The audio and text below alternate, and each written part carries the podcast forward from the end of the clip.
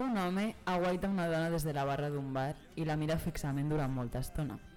S'apropa sigilosament, però amb pas segur, i l'agafa de la cintura. Aleshores li diu a cau d'orella Nena, saps que tinc un podcast? Nosaltres som Estel Cantavella Irene Beltrán I Maria Dolores Prats. i en este episodi del nostre podcast anem a parlar sobre masculinitats. Volem aclarir que som tres dones joves parlant sobre un tema que en principi ens seria aliè. Però la masculinitat travessa la nostra existència i no podem obviar este tema. ni volem.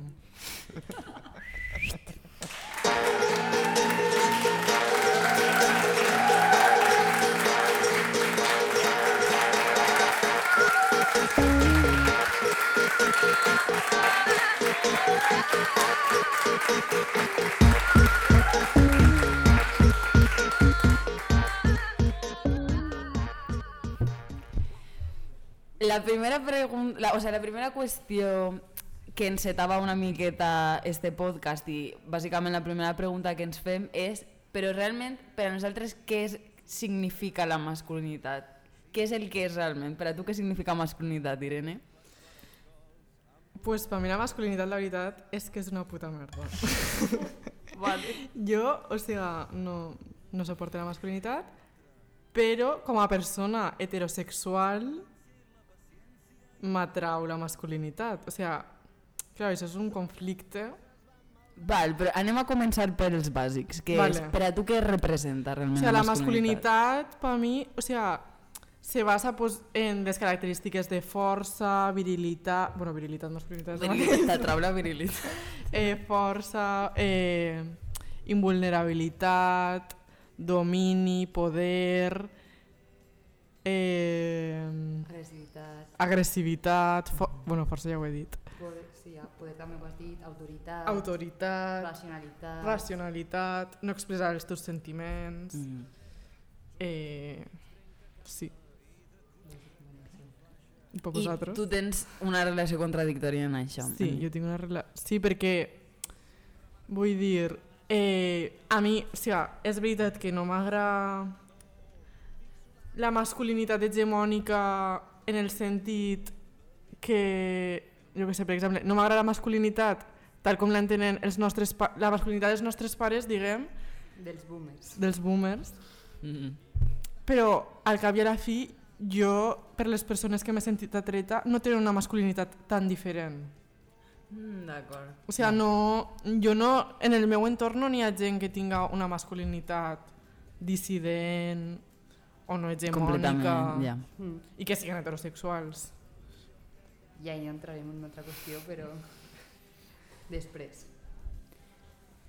Mm, és que t'anava a preguntar sobre què creus que... mm, Vull dir, per a quins referents penses que actualment alimenten aquest tipus de masculinitat? De la masculinitat hegemònica o de la masculinitat... Sí, d'ixa- de la- de l'hegemònica. Ai, Vull jo- dir, perquè tu crec- parles de que actu o sigui, actualment en, en els teus cercles tu veus que se re segueix reproduint, reproduint un cert model de masculinitat. Sí. No exactament tradicional boomer, però... Clar, jo, per exemple, el model que veig de masculinitat eh, hegemònica dels nostres pares i tal, que ara mateix està superpresent en les nostres vides, bueno, superpresent, que està present en la nostra societat, és Santiago Abascal, que és el típic home fort, Mhm. que entra en cavall i que... Sí, un Jaume primer. sí, i que... És que no heu vist les fotos estes d'ell en cavall, en plan sí, superfort? Sí, sí, en com si fora És que Putin, és total. Sí. el prototip literal de mascle. Sí, Mm de macho alfa. Sí, de macho sí, alfa. macho alfa, total. I és que això sona fatal, però jo veig que, en plan, els homes del meus, dels meus cercles se volen parecer a Ted Mosby, que inclús no és Ostris! pitjor, Vale. perquè Ted Mosby, Jo penso que Ted Mosby és una persona... deleznable. Sí, És prou Terrible. horrible. És sí. terrible. és terrible. És terrible. És que Ted Mosby a mi em pareix molt nova masculinitat. És Total. molt nova masculinitat, però darrere de tota la fatxa de nova Claro, masculinitat sí. És un se- masclista. S'amaguen una sèrie de qüestions que eh, a mi em pareixen molt recriminables que una sèrie tan puntera com ha sigut Com conocía vuestra madre eh, perpetúe estos rols que en realitat, o sigui, bàsicament tota la sèrie se passa mm, spoiler alert, si no l'heu vista ho sé però bàsicament és una xica que no li agrada ell i ell és com que no para d'insistir i és com anem a Sí. veure anem a veure carinyo si, si ella t'està dient que no és que no no és Sí, que és sí. pesat Però com que la sèrie el redimix a ell tot el temps. i i ell és- és la víctima. ell és la víctima Ella és la víctima tot el Exacte. rato. Jo pense per això que la, aquesta nova masculinitat, que la nova masculinitat, segons els, estu, els estudis, els, els estudiosos, els sociòlegs i tot això, es planteja com una, una recerca d'una identitat masculina que no perpetue un sistema masclista. El que passa, clar, és com, com pot ser el- l'home en un nou món feminista? Què passa? Que això és prou, prou quimera i t'acaben eixint mm, monstruos de laboratorio tipo Ted Mosby, que al final se supone que té una estètica totalment inofensiva i una presència en el Es món. como soft boy. O sea, Sí, el en, con- soft boy. en Cómo conocí a vuestra madre está el soft boy, que es co- Ted Mosby, i el fuckboy, el fuckboy, que, que és... és eh, eh, com es Barney, diu? Barney Barney, Stinson. Que, bueno, Però que al final les No, dues no, coses són bastant pareu. O sea, els dos personatges no s'allunyen. La pregunta és si existís realment un model de masculinitat que satisfaga realment el que demanen pues, les noves exigències, les exigències feministes i bueno... Clar. Sí, o sea, sí. jo crec que el que, ens de, els que el que ens hem de preguntar primer és què és la nova masculinitat? I fins a quin punt existeix. Clar. O si I existeix la nova, realment. o sea, la nova masculinitat és eh, adoptar per part dels homes de conductes eh, normalment atribuïdes a les dones? Mm -hmm. O, la, clar. o què és exactament? O sigui, el dubte és, es pot construir algo que el sistema realment no eh, impulsa, no, Clar. no propulsa per, per la seva pròpia estructura? Exacte, no propulsa i que al final no pots eixir perquè si estàs en una societat patriarcal al final te cries en, en l'educació d'una masculinitat hegemònica, socialitzes com un home hegemònic i a partir d'ahí és com que entres en la roda i, i a veure qui és d'ahí. Clar, perquè la socialització dels homes actuals, realment, o sigui, els homes de la nostra generació, per exemple, és equivalent a la socialització en masculinitat de, per exemple, els nostres pares? Jo crec que no sé, o sea, que sí que ha canviat un poc, però que no està tan lluny, perquè jo veig els boomers que, estan, que formen part o sigui, Love, boomers. els costa molt expressar els seus sentiments, o sigui, sí, els homes boomers o sigui, no, sí que s'han socialitzat totalment en aquest model de has de ser el cap de la família, el qui porta el menjar a casa, el qui la base, la força... Sí, com la, la, un poc la representació de l'esfera pública sí. i la dona a l'esfera domèstica. I jo sí que veig que els boomers, o sigui, incontades excepcions poden expressar els seus sentiments. Els costa moltíssim, als homes boomers. Sí que trobe que els, els homes millennials o Z, Zeta. sí que pues, mínimament poden expressar més els seus sentiments, però tampoc tant, o sigui, no veig que hagi canviat tant la cosa. O sigui, bueno, no sé què penseu vosaltres. Tu què penses, Esther? És una pregunta complexa, la veritat. O sigui, al final és com que s'hem de preguntar que fins a quin punt arriben aquestes noves masculinitats, no? O sigui, i si realment existeixen, perquè, o sigui, és algo que s'estem preguntant molt nosaltres, però no sé, o sigui, mm, sent un home heterosexual, és com que també se van preguntar si realment depenia de la sexualitat això, no? De la sexualitat. Ah, Sí. val, sí, sí, sí. Clar, però jo crec que té molt a veure. La sexualitat Sí. Sí, jo també ho penso. amb la socialització de gènere. Sí. Clar, sí. El, um, vull dir, quan tu, pre, quan tu... Vull dir, al final està tot... Com diria? Que està, està vinculada... Com la, estan vinculades les, els diferents tipus de realitats de com socialitzes el teu propi gènere amb com socialitzes la teva sexualitat. Vull dir que està im, imbrincat, es diu. sí.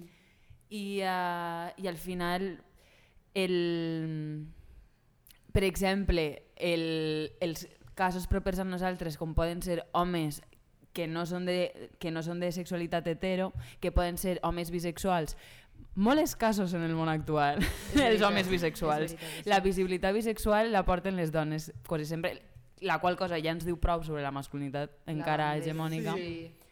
I per altra banda, els homes homosexuals o els homes gais que realment han sigut els que, bueno, un dels impulsors principals de realment La punta de llança. la cri sí, la punta de llança per a mm, per a propagar la crisi de la masculinitat hegemònica tal i com es coneix.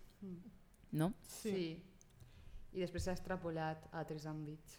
Però sí, la bandera l'han dut a ells. Clar, ell, o sigui, el, el moviment, el, el que estem d'acord amb ell, parlàvem abans de fer el podcast, és que el moviment LGTB i el feminisme al final són, un- són els responsables de que tot, a, tot aquest concepte de la masculinitat es repensa una miqueta.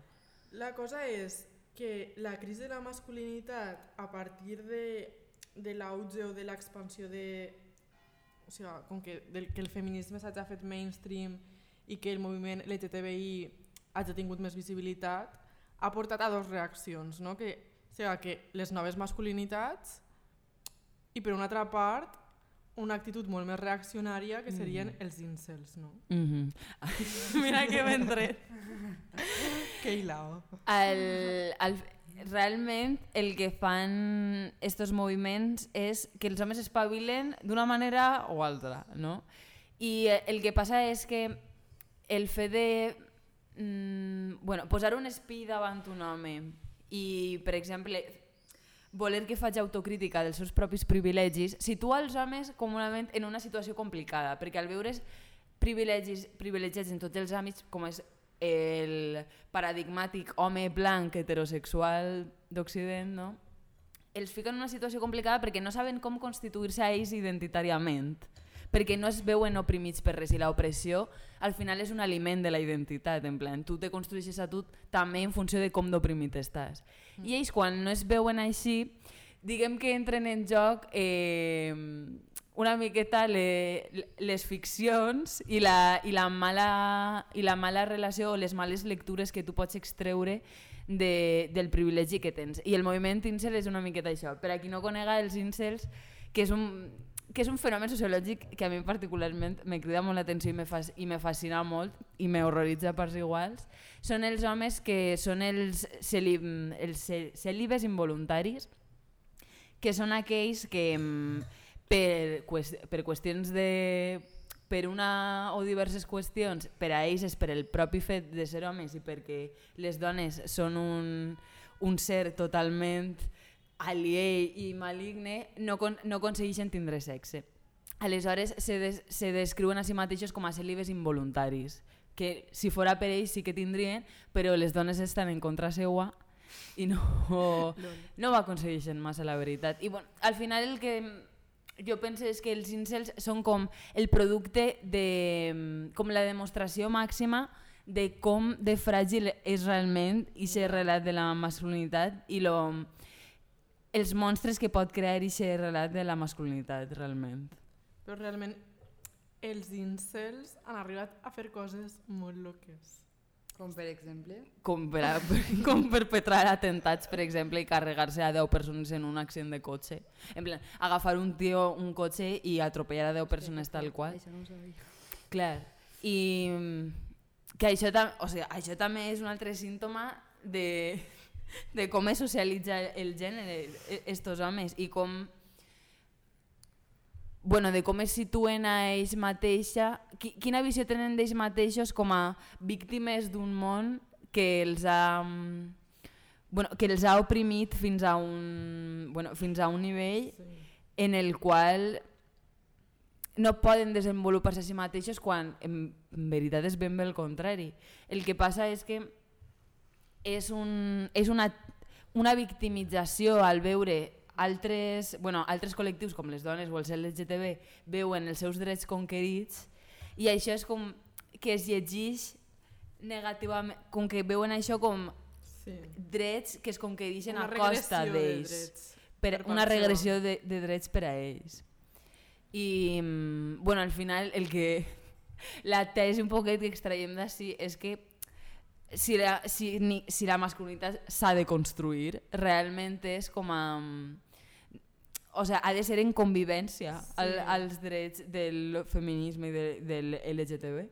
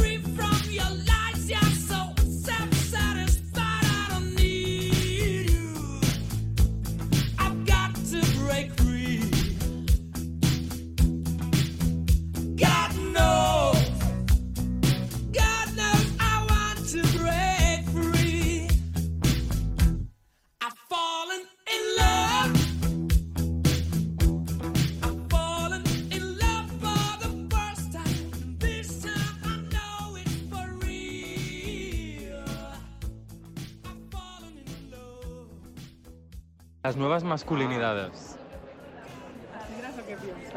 Habla tú. ¿Qué tienes Yo no, eh, te juro que no sé qué decir ahora mismo. Las, nue- las nuevas. Una ficción. Una ficción Que me fumo un cigarro. que nos fumamos un cigarro. Mira, las nuevas masculinidades hay que tomarlas. Las nuevas masculinidades. Las nuevas masculinidades. Yo es que no sé qué son las nuevas masculinidades.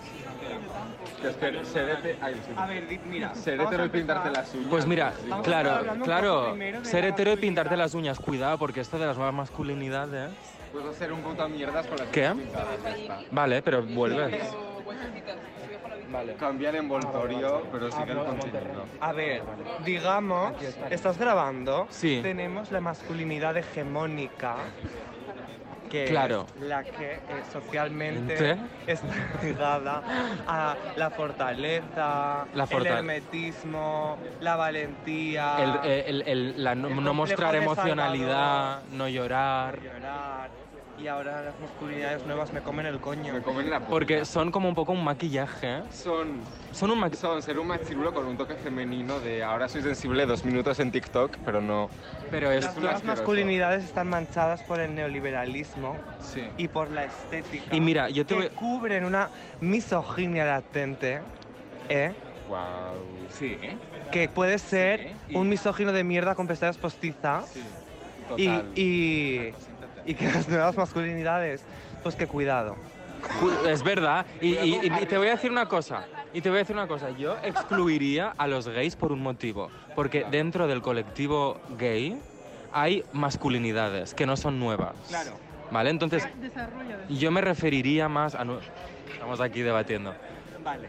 Entonces, yo excluiría. Las O nuevas sea, masculinidades concebidas a nivel social Porque son aquellas nuevas. que igual rechazan y abrazan lo socialmente femenino, por ejemplo. ¿O qué, cómo coño? sí, como. ¿O qué pasa? Las nuevas masculinidades son como algo estético, Ya, pero luego a nivel psicológico siguen siendo lo mismo.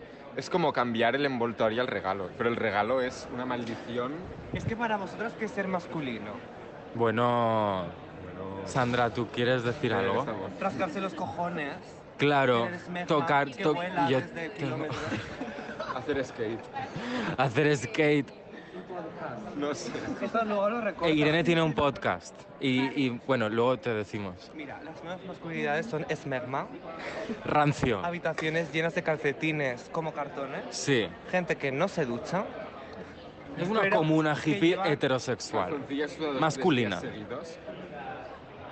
Calzoncillos sudados de tres días Mira, yo seguidos. considero- Yo ahí un poco yo entro a veces.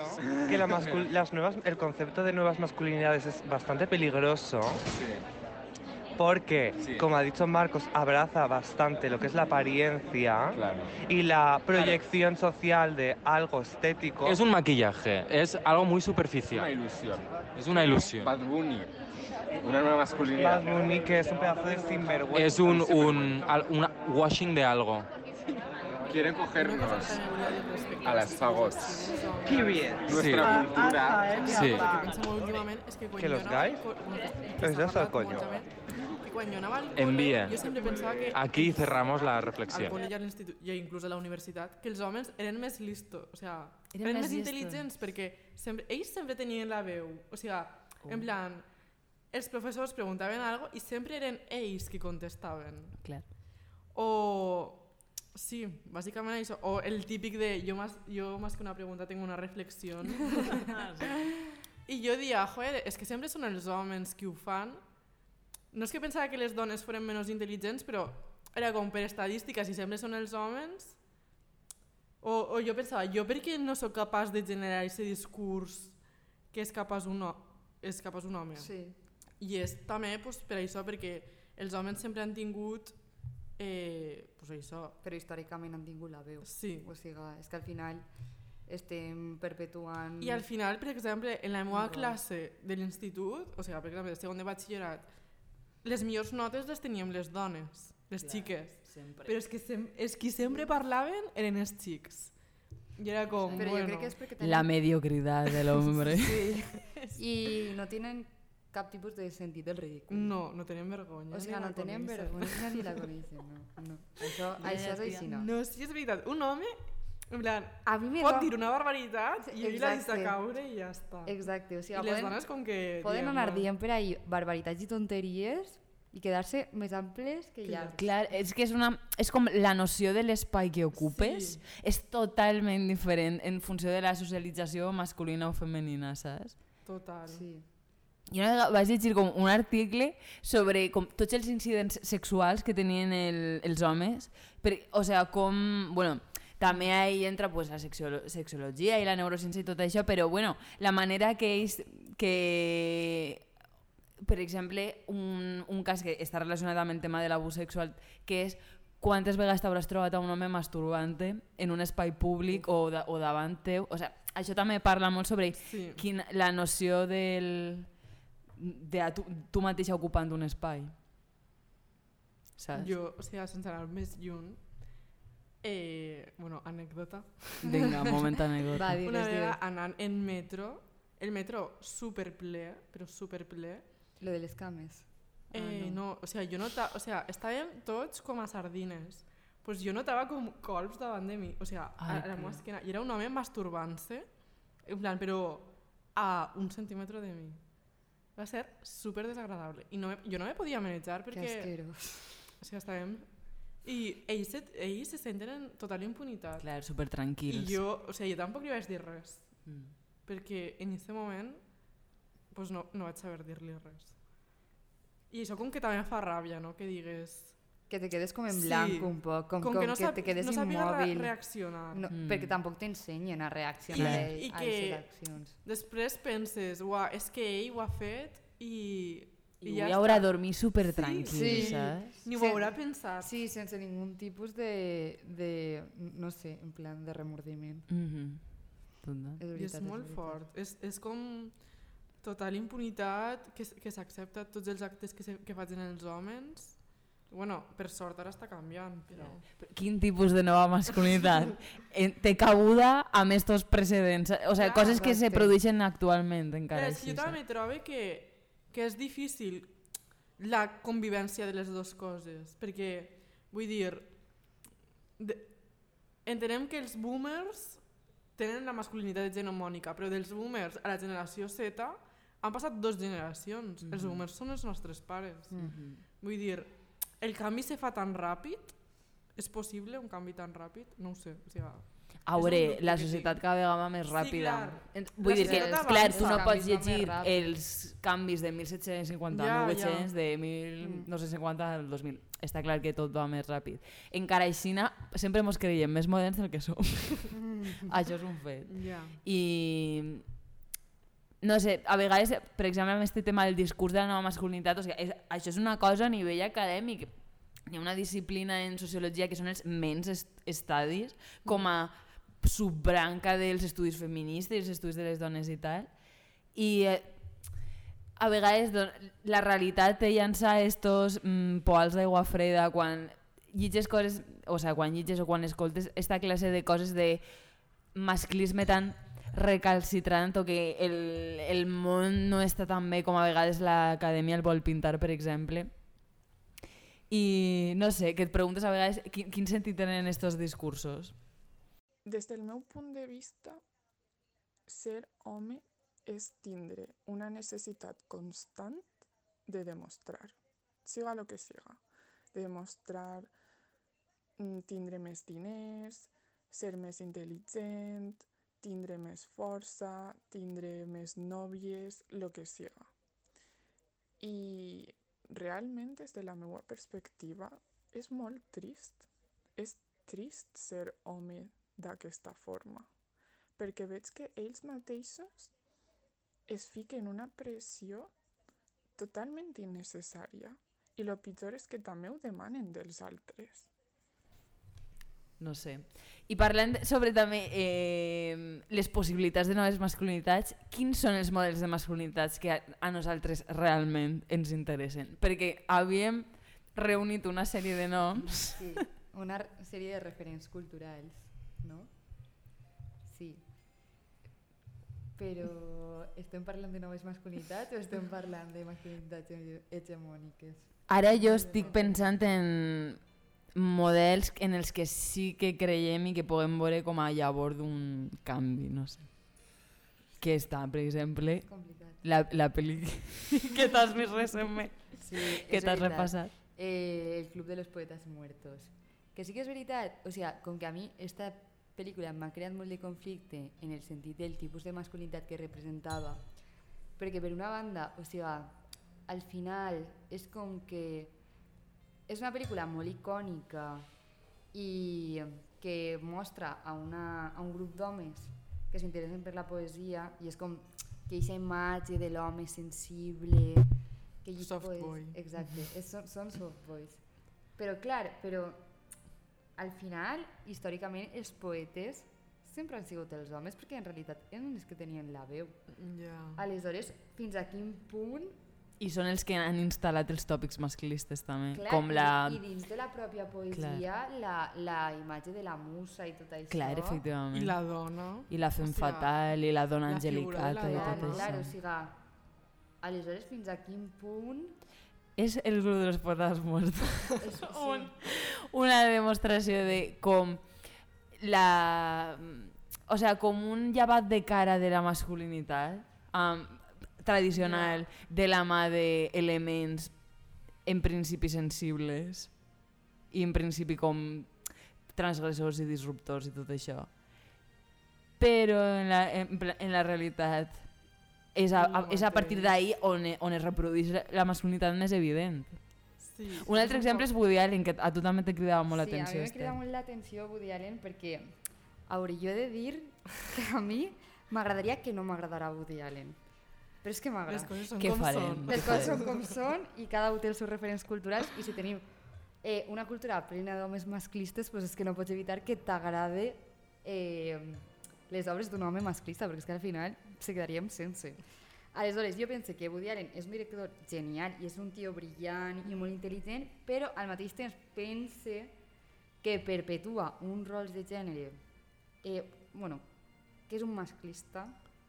O sigui, ell sempre com que el seu personatge és de una figura un poc com és una persona terriblement hipocondriaca que està molt obsessionada amb la mort com, és un poc com un home Sensible. sí, sensible, vulnerable Eh, les seues pel·lícules són com completament per a pseudointel·lectuals, en plan, com a- per a aquest públic progre, europeu, tal, i ser nicho de mercat, però al mateix temps, o sigui, la imatge que dona de les dones, o sigui, n'hi ha una pel·lícula que si no l'heu vist l'heu de veure perquè és que és un clàssic del cine, que és Annie Hall, que la relació és la relació entre ell i Diane Keaton, que és una actriu com la copa d'un pi, i és que explota absolutament tots els tòpics de la dona, eh, típics tòpics de la dona condueix malament... Que, i si, en, no recordo la pel·lícula que i si tingués un accident de cotxe o alguna cosa, Sí, tia. no sé, com que condueix molt malament, en plan, com Joder. que agarra el cotxe i és com que va en contradirecció, però unes Ai, coses, ai, ai. barbaritats que tu dius,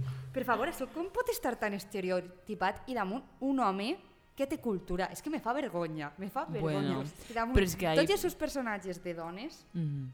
Però- estan apardalers, apardalers total, i ell sempre té que anar ahí en la figura paternalista, no sé què. Totes És les seues protes són dones, no? Moltes. La majoria. La O sea, majoria... sempre té com la, Mm, no no? però és de- que ell moltes vegades... O sea, ell és el protagonista i està la, la no? Sí, sí. Jo només he vist una pel·lícula i me pareix ser terrible. Ai, quina, quina? Wonder Wheel o alguna cosa així.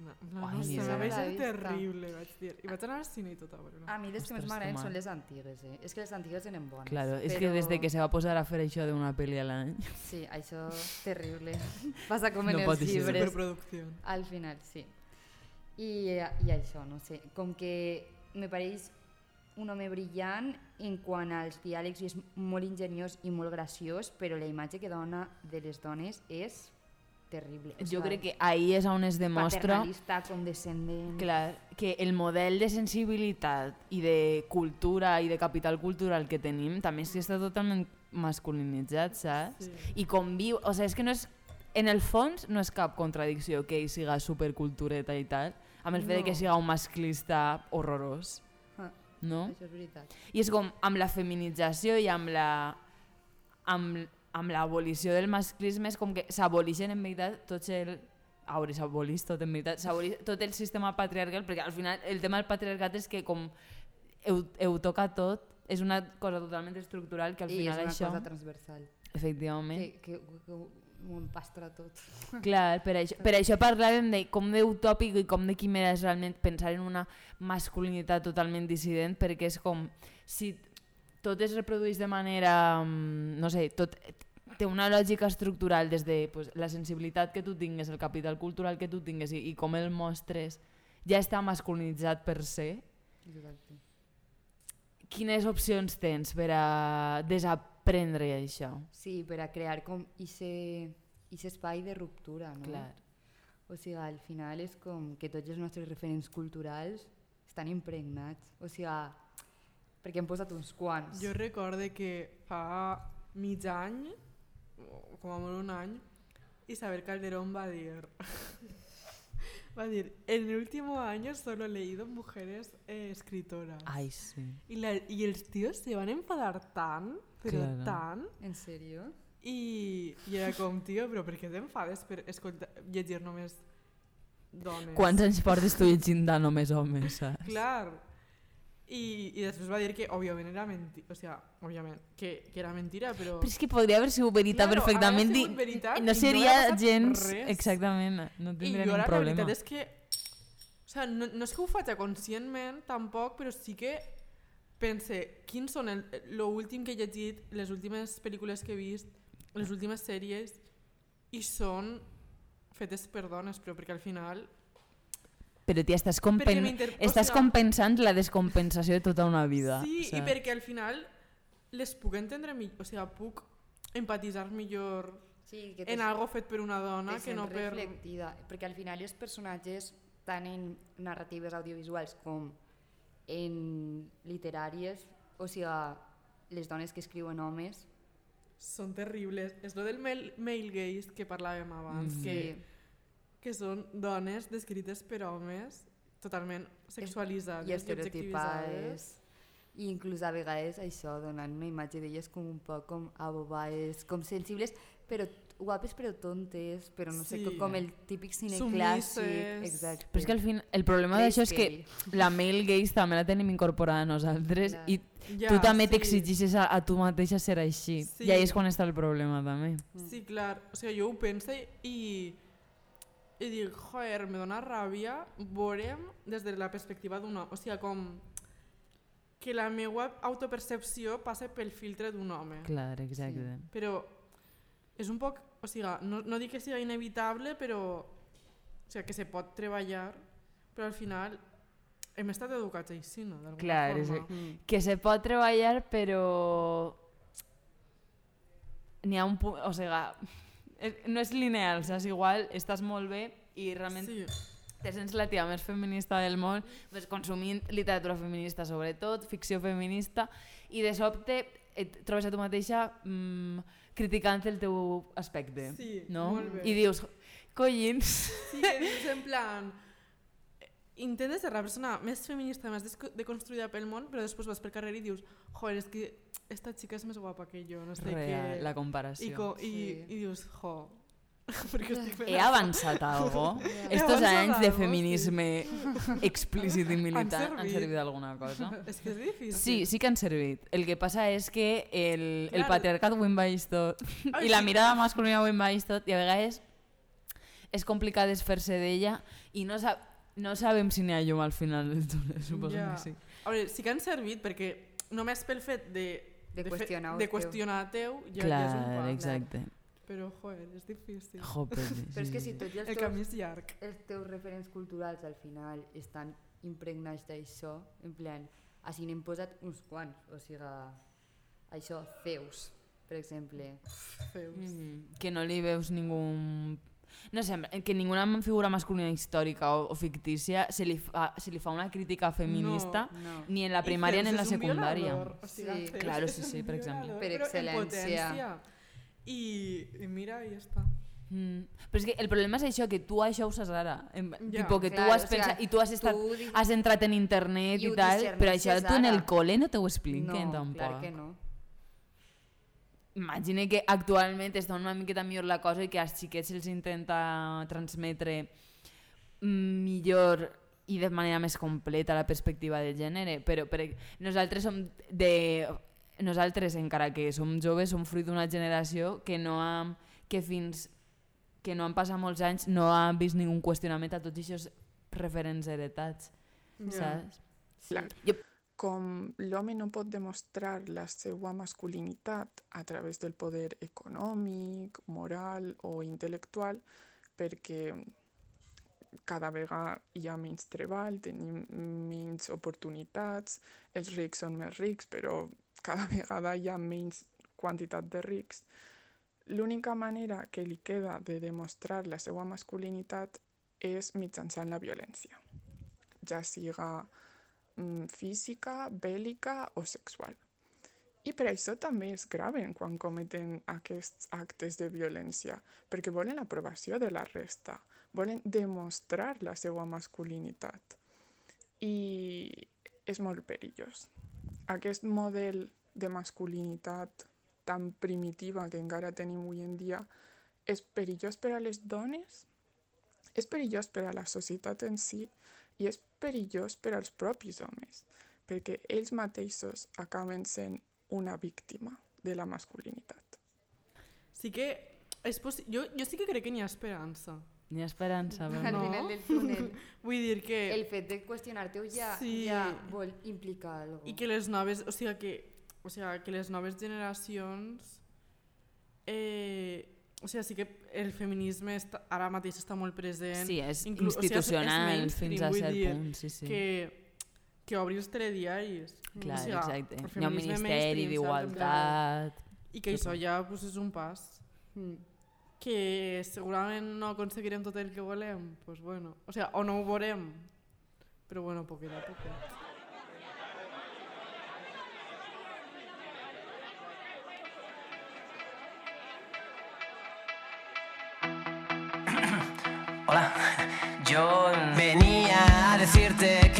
Que bailaras a mi lado, que esta noche estás tan guapa, yo estoy más guapo callado. Lo siento, no sabía que ya había quien se muera por ti.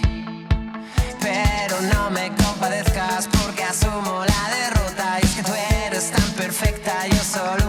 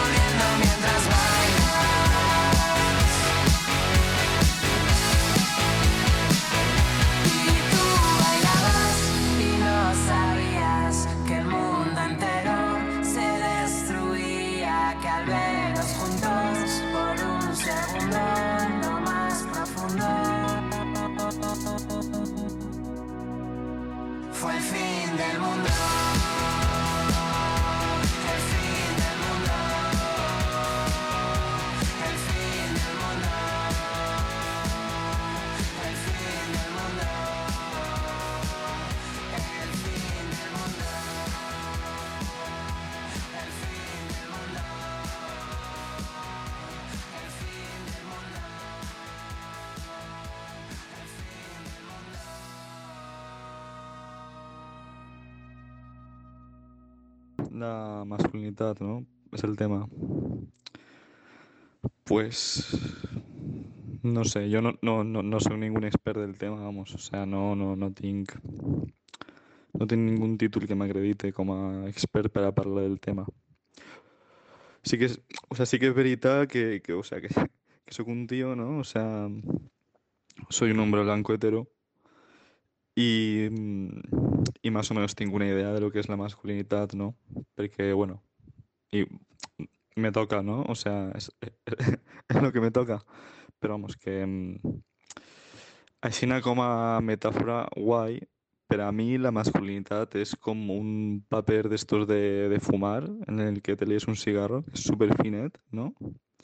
Que està aguantant tota la civilització occidental i tot el món sencer en el que vivim. És un paper molt finet, és la masculinitat, que igual pues, li tires algo damunt i se dobla en seguida perquè és, és, és molt tan fràgil és paper molt finet, medeix menys d'un mil·límetre, o sea, és pràcticament... És, per a mi és com un paper de fumar, és molt finet, és molt, molt fràgil la masculinitat. I què passa? Pues que mm, jo ara mateixa no, no sé, no sabria dir-te si, si hi ha masculinitats guais, positives i masculinitats negatives. Mm, lo que sí sé i no sé, he pogut viure i experimentar per part de, bueno, per part meua, per part d'amics i tal, és que mm, fa creure't o assimilar molts problemes i mm, moltes coses que igual no hauries de per què, per què assimilar, no?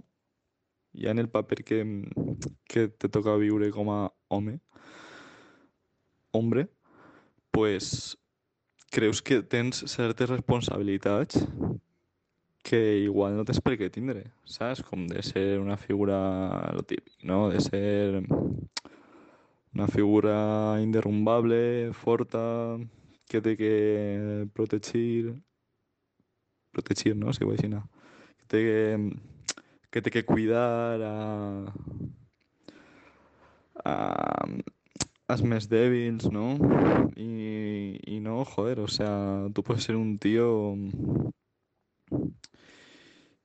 y, y, y- y no sé, y puedes ser un, un, pringao de la vida, ¿sabes? Y, y ya está, y no pasa res. O sea, pots ser un loser i no per això eres menys tio, saps?